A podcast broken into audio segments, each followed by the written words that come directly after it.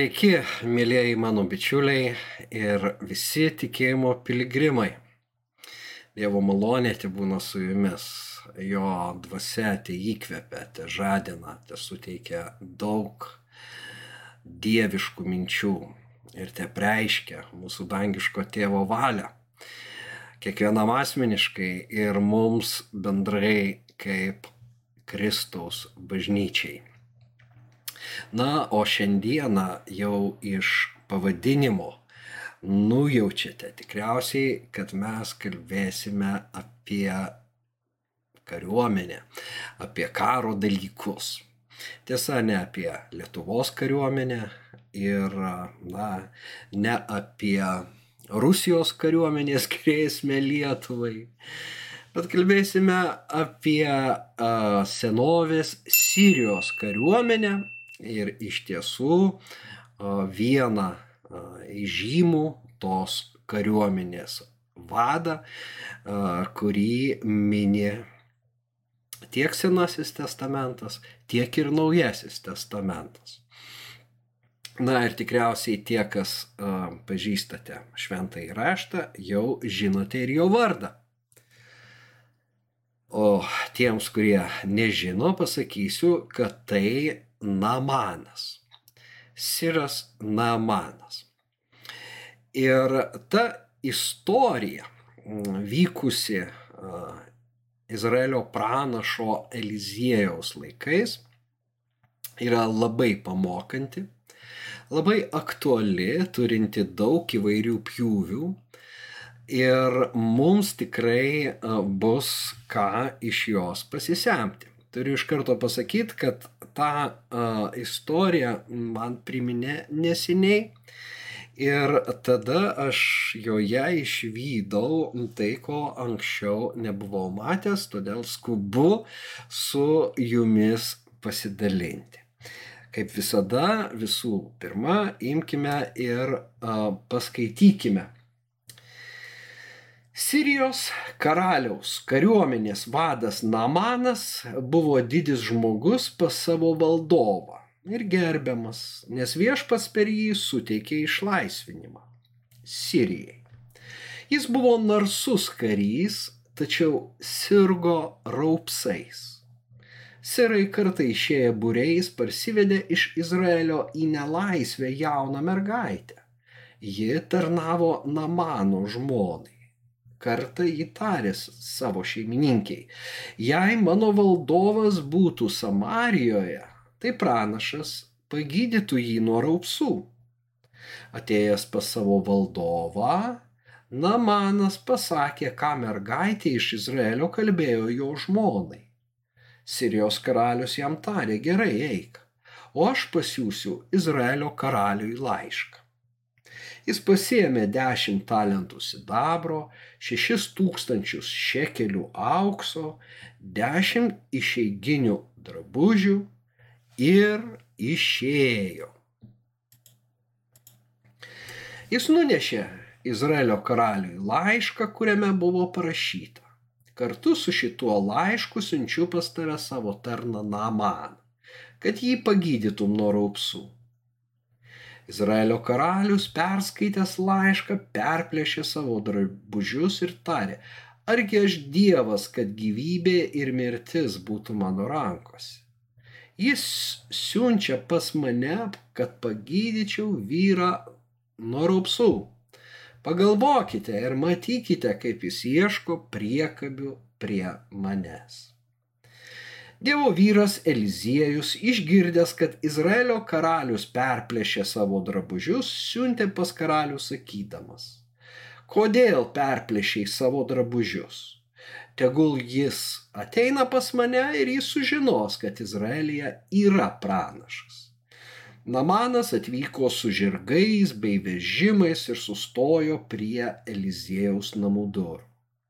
Eliziejus siuntė pas Namaną savo tarną sakydamas, eik ir apsiplauk septynis kartus Jordane, tavo kūnas atsinaujins ir bus švarus.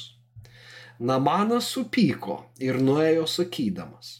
Aš galvojau, kad jis išeis, atsistos, šauksis viešpaties savo Dievo vardo, uždės ranką ant raupsuotų vietų ir taip pagydys nuo raupsų. Argi Damasko upių, Abanos ir Parparo vanduo negeresnis už visus Izraelio vandenis? Argi negalėčiau juose apsiplauti ir tapti švarus? Jis apsigrėžė ir nuėjo labai supykęs. Bet jo tarnai prieartėję jam kalbėjo, jei pranašas tau būtų įsakęs atlikti kokį didelį dalyką, argi nebūtum daręs. Tuo labiau, kai jis sakė, apsiplauk ir bus išvarus. Jis nuėjo prie Jordano ir pasinėrė jame septynis kartus, kaip Dievo vyras buvo liepęs jo kūnas pasidarė kaip mažo vaiko ir jis tapo švarus. Jis ir visi jo palidovai sugrįžo pas Dievo vyrą. Atsistojęs prieš pranašą, jis tarė, dabar tikrai žinau, kad niekur kitur žemėje nėra Dievo, tik Izraelyje. Prašau, priimk dovaną iš savo tarno. Na, ši istorija iš tiesų be galo iškalbinga. Prisiminkime ir tai, ką aš jau pasakiau, kad Jėzus Luko Evangelijoje, kalbėdamas apie tai, kad pranašas nepriemamas savo gimtinėje, prisimena būtent uh, Sirą Namaną, kuris pasveiko nuėjęs pas pranašą Eliziejų. Ir tuo Jėzus, tai yra ketvirtam uh, skyriuje Luko Evangelijos, tuo Jėzus nori pabrėžti, kad kita taučiai, pagonis, tikėjo ir pagal tikėjimą uh, susilaukė Dievo malonės. Tačiau ne visi tos malonės susilaukė, nes buvo daug našlių, jisai taip pat kalba Elio laikais, bet tik tai viena, ta Sareptos mieste, gavo stebuklą, išgyveno per tą sunkmetį, badmetį kuris truko trejus metus Izraelėje. Ir štai Siras Namanas nebuvo vienintelis raupsuotasis, bet būtent jis pasveiko. Kitai žodžiais tariant, na mano istorija tai yra tikėjimo kelionės istorija. Ir iš jos mes galim labai daug ko pasimokyti. Na visų pirma tai, kad Dievo žodis dažnai mus papiktina. Dievo žodis nėra taip užrašytas šventajame rašte, kad mes iš karto jį perskaitę sakytum, o kaip nuostabu, kaip gražu.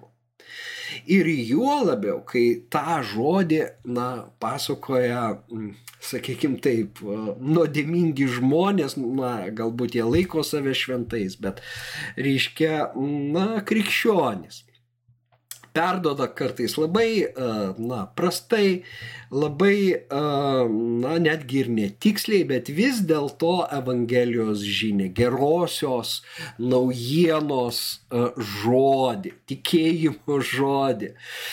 Bet čia pat galima pasipiktinti kaip na, neseniai viename komentare po mano video yra parašyta, na, profesoriau, išklausiau jūsų, bet labai nedaug, nes e, jūs taip netaisyklingai lietuviškai kirčiuojate, kad praktiškai, na, ką ten jau kalbėti apie pačią žinią. Jeigu ne pirmą išmokite kalbėti, o tada jau uh, skelbkite, uh, na, teologijos mokslą.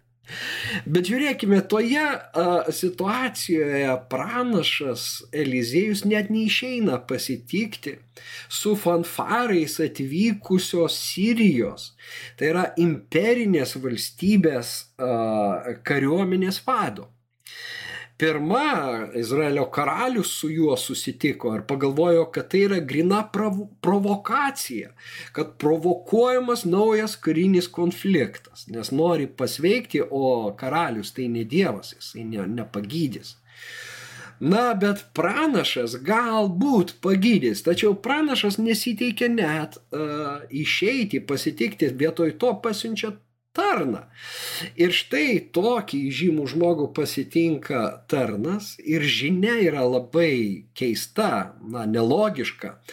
Eik pasinerk septynis kartus Jordano upėje. Sakoma, kad Jordanas nėra pati švariausia upė ir Sirijoje buvo švaresnių, na, kur vanduo tyresnis, netoks drumstas kaip Jordane, bent šiuo metu Izraelija tikrai, na, tas Jordanas visai neišvaizdus ir, na, Namanas sako, negi nėra geresnių upių Sirijoje, kas čia per žinia iš viso. Tai vad šita reakcija yra labai natūrali į Evangelijos žinią. Galbūt kažkas yra, na, literatas ir skaitęs tą jau tokį rafinuotą, literatūrinį, na, literatūriškai nušlifuotą žodį, ar tai grožinės literatūros, ar filosofinės minties. Ir staiga tu skaitai, na, kad ir tą pačią vat, istoriją iš antros karalių knygos ir galima labai pasipiktinti atskiromis vietomis. Iš tiesų, ne vienas ateistas dažnai piktinasi, perskaitęs vieną ar kitą ištrauką iš šventojo rašto. Netgi ir Naujajame testamente iš tiesų tai nėra, na, pati kalba nėra labai vaizdinga, bet pati žinia yra be galo gili ir galim sakyti, kad va tiesa yra paslėpta tuose skarmaluose. Na, panašiai kaip žodis tampa kūnu, jis įsikūnija, reiškia, ėdžiose, kur tvarte yra ta aplinka, taip ir, na, ta Dievo šlovė žinioje, kuri gali labai papiktinti. Na, ir tai va yra pirma tokia ryški pamoka. Antra ir svarbiausia, ką šiandien aš ir noriu na, šiek tiek paplėtoti, yra nuolankumas ir gėdos prisėmimas.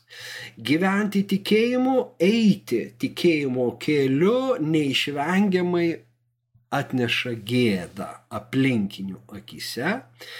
Reiškia,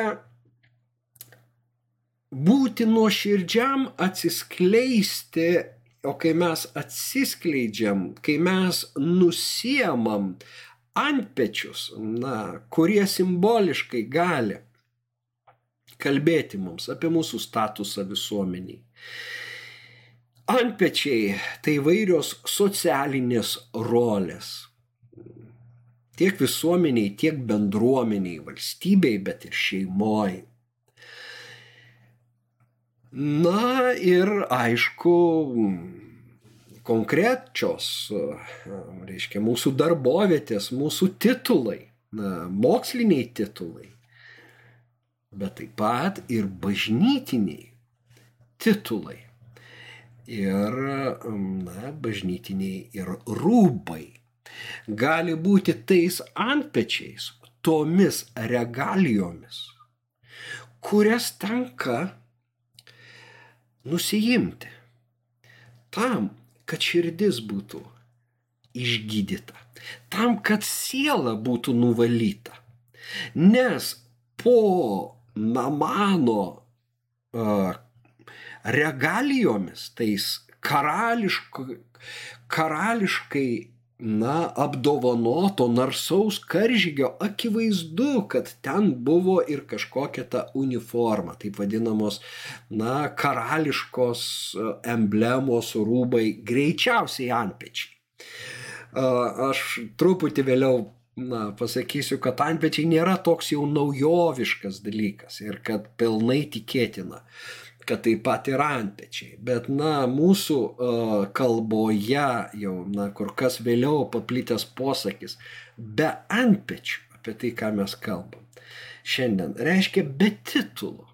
Kai kar, e, kareiviai paėmami į nelaisvę ir nuo jų nuplėšia antpečius, tai yra jų pažeminimo na, veiksmas, nes kareiviui garbę suteikia jo užsitarnauti antpečiai, jo rangas, ar ne? O be antpečių reiškia, na, be nieko. Bet štai būtent Dievui mes esame priimtini tik tuo met, kai išdrįstame nusirenkti, nusijimti antpečius, likti žmonėmis, tokiais, kokiais mes esame. Ir iš tiesų aš manau, kad Dievas mus yra pašaukęs į bendrystę, kurioje, kuri apskritai įmanoma tik be antpečių. Nes jeigu uh, kiekvienas na, bando parodyti, koks jis svarbus, kokią jisai vietą užima, ar visuomenėje, ar bendruomenėje, ar bažnyčioje, koks jo ar akademijoje, koks, kai tik yra sureikšmin, sureikšminamas titulas, net ir pelnytas sunkių darbo arba narsa ryštų, po tuo gali slėptis, na, ne tik išdidumas, bet po to, po tuo slepiasi ir daug įvairiausių nedarybių. Galim paslėpti save po antpečiais Štai todėl Dievas negali dovanoti išgydymo tiek vidinio, tiek fizinio, jeigu mes slepiamės po tomis rolėmis. Mes turim tapti žmonėmis, atvirais. Ir bendrauti vienas su kitu. Bent pečių, netgi jeigu, na, mūsų darbovietį arba mūsų tarnystėj privaloma, na, apsivilkti liturginiais rūbais. Tačiau Kristaus bažnyčioje a, malonė liejasi tuo met, kai žmonės a, yra žmonėmis visų pirma. Kai, kai mes esame Dievo vaikais. Na, mano oda pasidarė kaip vaiko oda. Jei netapsite kaip vaikais, neįeisite į Dievo karalystę, sako Jėzus. Ir va tas va vaikiškumas, tyrumas, skaistumas, na, yra būtent, kai mes išdrįstame, atsiliepdami į Evangelijos žodį, į asmeninę kažkokią žinią, išdrįstame nusijimti. Va štai tokia buvo Namano. Atleiskit, prašau uh, tikėjimo mm, charakteristika, ryškiausia tikėjimo charakteristika. Na ir be abejo, maudytis tarnų akivaizdoj, kitataučių, tai yra žydų akivaizdoj, toje Jordano upėje tai buvo didelis pažeminimas. Ir man netgi iškilo laiško hebrajams žodžiai apie Jėzų, kad jis nepaisydamas gėdos iškentėjo kryžių. Tai vad, Namanas nepaisydamas tos gėdos, nes viena yra graži uniforma ir kita yra raupsuotas kūnas. Tai va taip dažnai atsitinka, kad mes galim apsirengti ir, na, tą taurės išorę labai gražiai papuošti, o, o siela gali būti labai negražiai. Ir ten reikalingas labai didelis stebuklas ir išgydymas, apvalymas, kad mums reikalinga Dievo valanti malonė, kuri mus ištyrintų, išskaistintų. Bet jeigu mes esame susireikšminę, tai neįmanoma. Mes patys uždarom duris Dievo veikimui. Štai, kad taip neatsitiktų, ir turime sekti Namano pėdomis. Bet mąstydamas apie tai, aš iš tiesų prisiminiau dar vieną mm, asmenį, kuris taip pat veikė Jordane, Jordano upėje ir taip pat, na, apiplaudavo žmonės. Bet jau jų sielas, ne tiek kūnus. Ir be abejo, tai yra Jonas Krikščitojas. Anomis dienomis pasirodo Jonas Krikščitojas, jis kelbė judėjos dikumoje, atsiverskite, jau prisertino dangaus karalystė. Jis tas, apie kurį per pranašą Izaiją yra pasakyta. Dikumoje šaukiančio balsas, paruoškite viešpačiui kelią, tiesinkite jam takus. Pats Jonas vilkėjo kupranugario ašutinę, strėnas juosdavosi odiniu diržu, o jo maistas buvo skeriai ir lauko medus ėjo pas jį Jeruzalės, visos judėjos bei visų Jordano apylinkių žmonės ir išpažinę nuodėmės buvo krikštijami Jordano upėje, buvo nardinami. Eik pasinerk septynis kartus. Jordano upėje. Na, štai Jonas Krikštytojas nardino a, tuos, tas minės pulkus žmonių upėje kad jų nuodėmis būtų apvalytos. Bet dabar žvelgime į patį Joną. Jonas labai įdomi asmenybė ir mes neturim laiko plačiai jo charakterio aptarti dabar. Bet įdomu tai, kad Lukas mums papasakoja, kad Jonas buvo vieno iš aukščiausiųjų kunigų vaikas. Na, kunigystė buvo paveldima. Kunigu negalėjai tapti antraip, kaip tik paveldėjimo būdu, jeigu tavo tėvas buvo kunigas. Ir ta linija ėjo nuo Arono.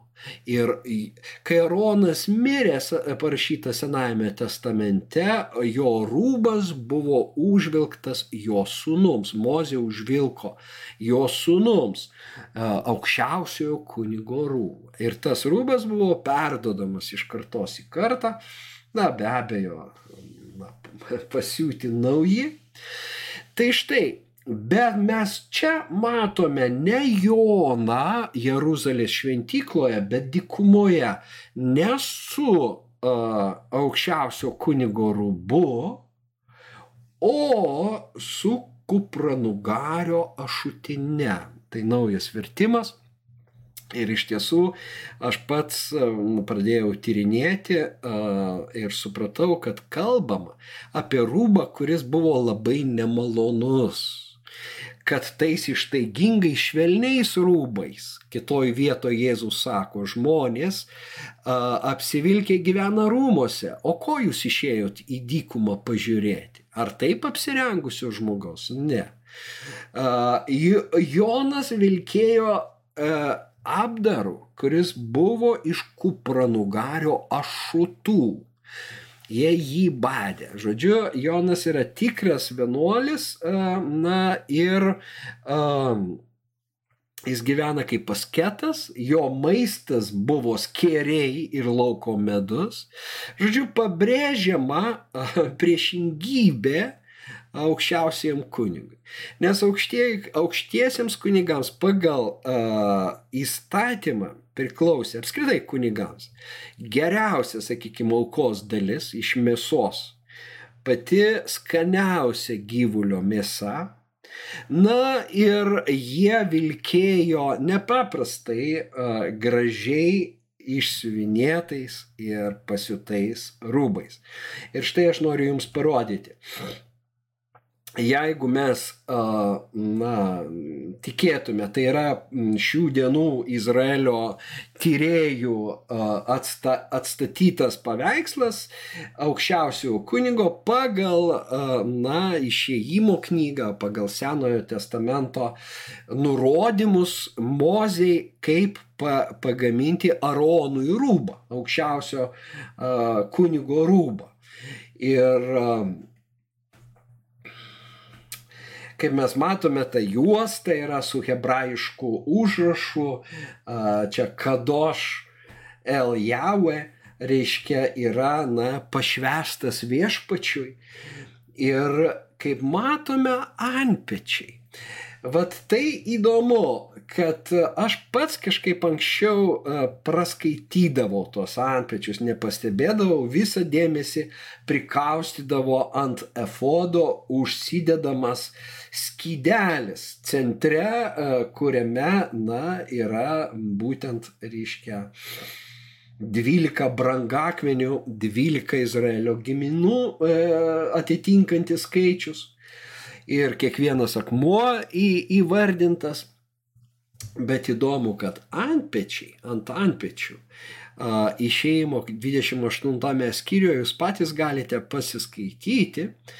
Nu, nors mažai ištraukėlę galiu paskaityti, kad efodą padarys iš aukso, melinų, violetinių, raudonų ir plonų suktų lininių siūlų, meniškai juos išausdamas. Ant jo bus dvi petnešos sujungtos savo kraštais ir taip jis bus sujungtas. Juostą efodui padarysi taip pat kaip efodą, iš aukso aukso, mėlynų, violetinių, raudonų ir suktų lininių siūlų.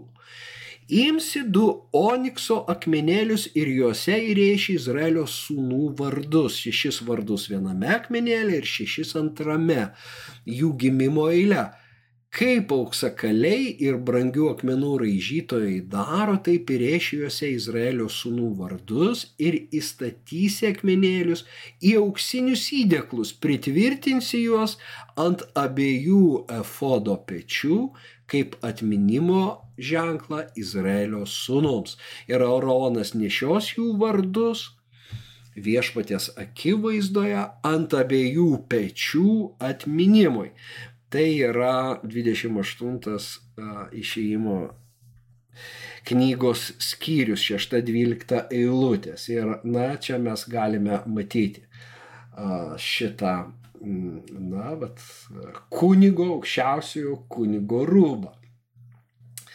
Na ir kaip kontrastas, kaip visiškas kontrastas yra Jono krikštitojo rūbas. Ir, na, e, jį atkuria e, kino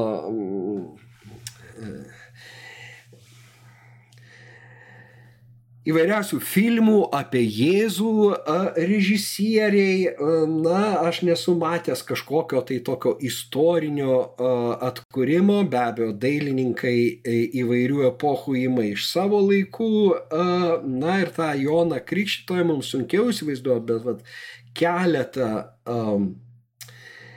aš parinkau nuotraukų čia iš, iš filmo apie Jėzų, iš tiesų kokia ta ašutinė.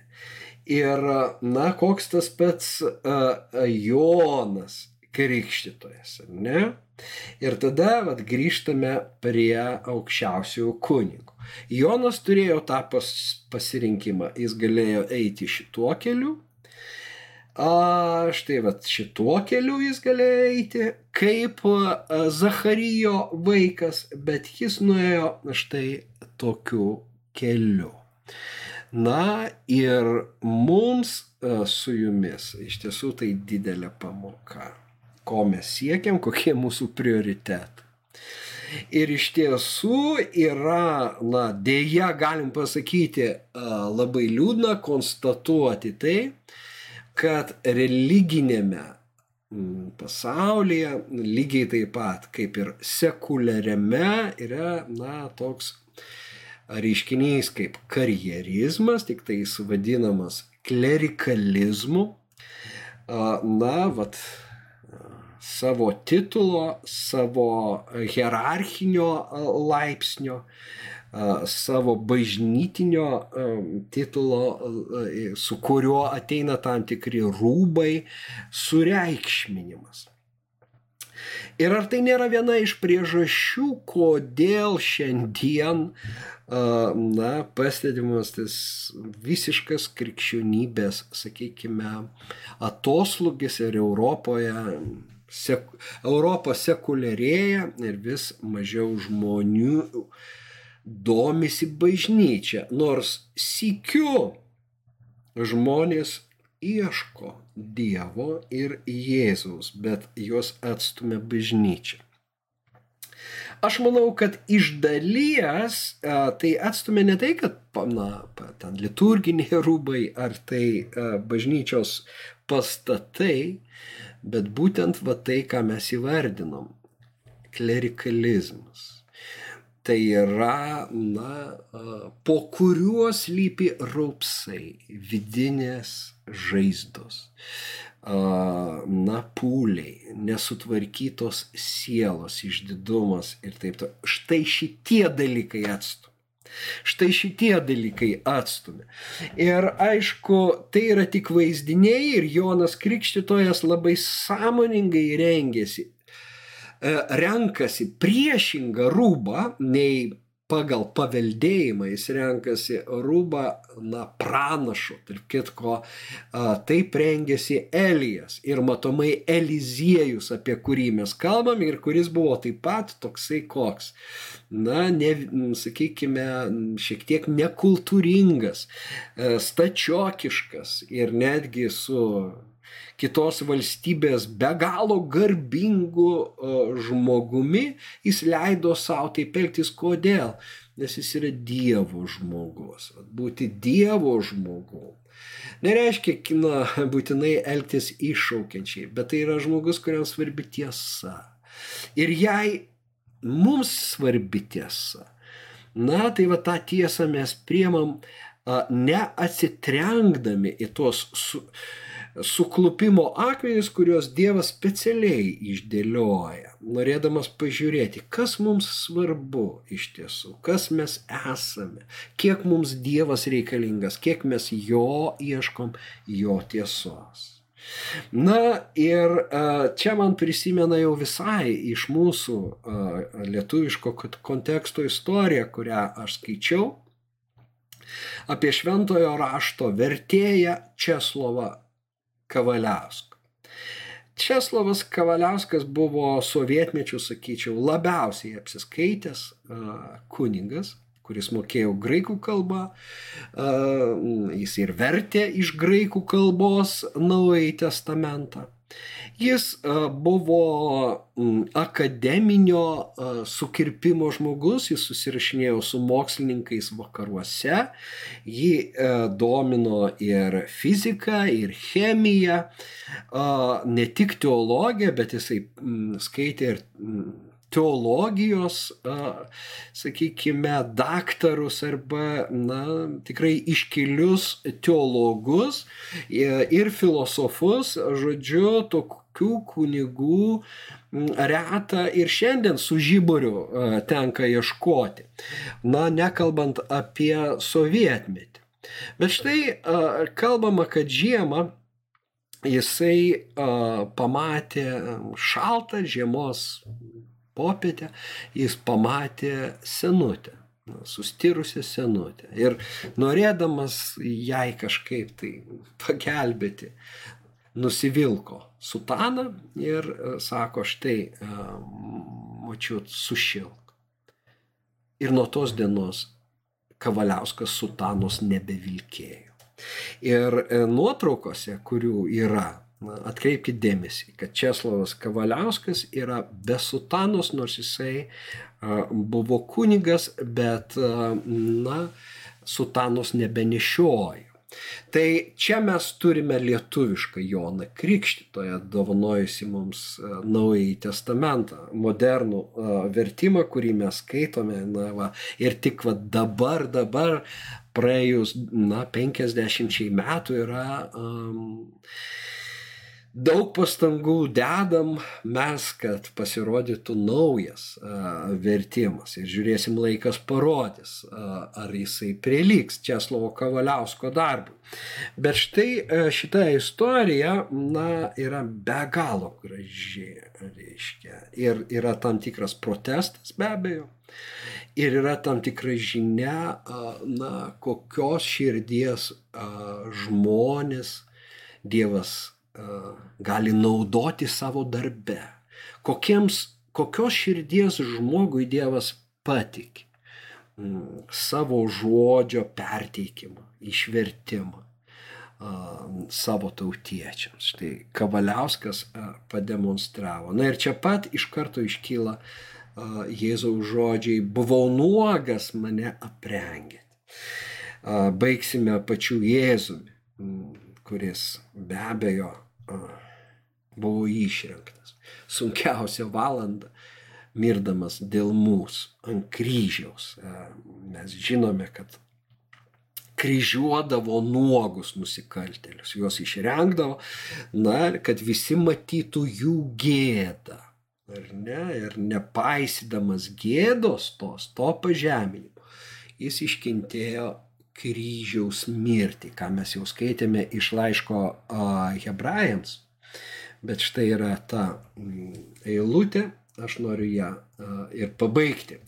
Tai juo labiau akivaizdu, nes iškyla kitas, panašus į Melchisedeką kunigas, kuris juo yra tapęs nekūniškų įstatymo įsakymų, bet nesunaikinamo gyvenimo gale.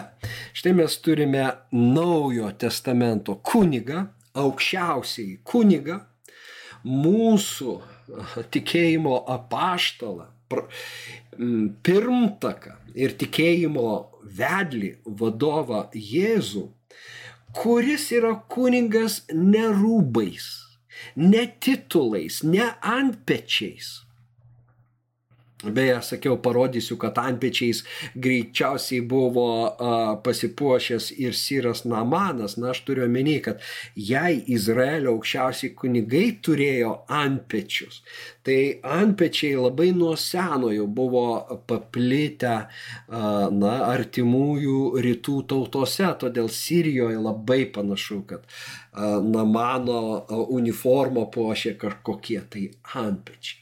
Bet dabar mes turime Jėzų be antpečių. Mes turime iš tiesų uh, kryžių, kryžiaus gėdą, nuogą mūsų aukščiausiai kunigą. Ir turime sekti jo pėdomis, nes iš tiesų kito kelio ir nėra. Apvalyti mūsų sergančias sielas nuo nuodėmės raupsų kaip tik nusižeminti, tikėti Evangeliją, priimti Dievo malonę ir dėkoti jam, vad būtent už nesunaikinamo gyvenimo galę, kuri yra duota Kristui ir kuri pasiekia ir mus, kai mes juo tikime ir taikome štai šitos dėsnius savo gyvenime. Te viešpas būna su kiekvienu iš mūsų, gerų dienų jums, Dievo malonės ir iki kitų kartų. Sudė. thank you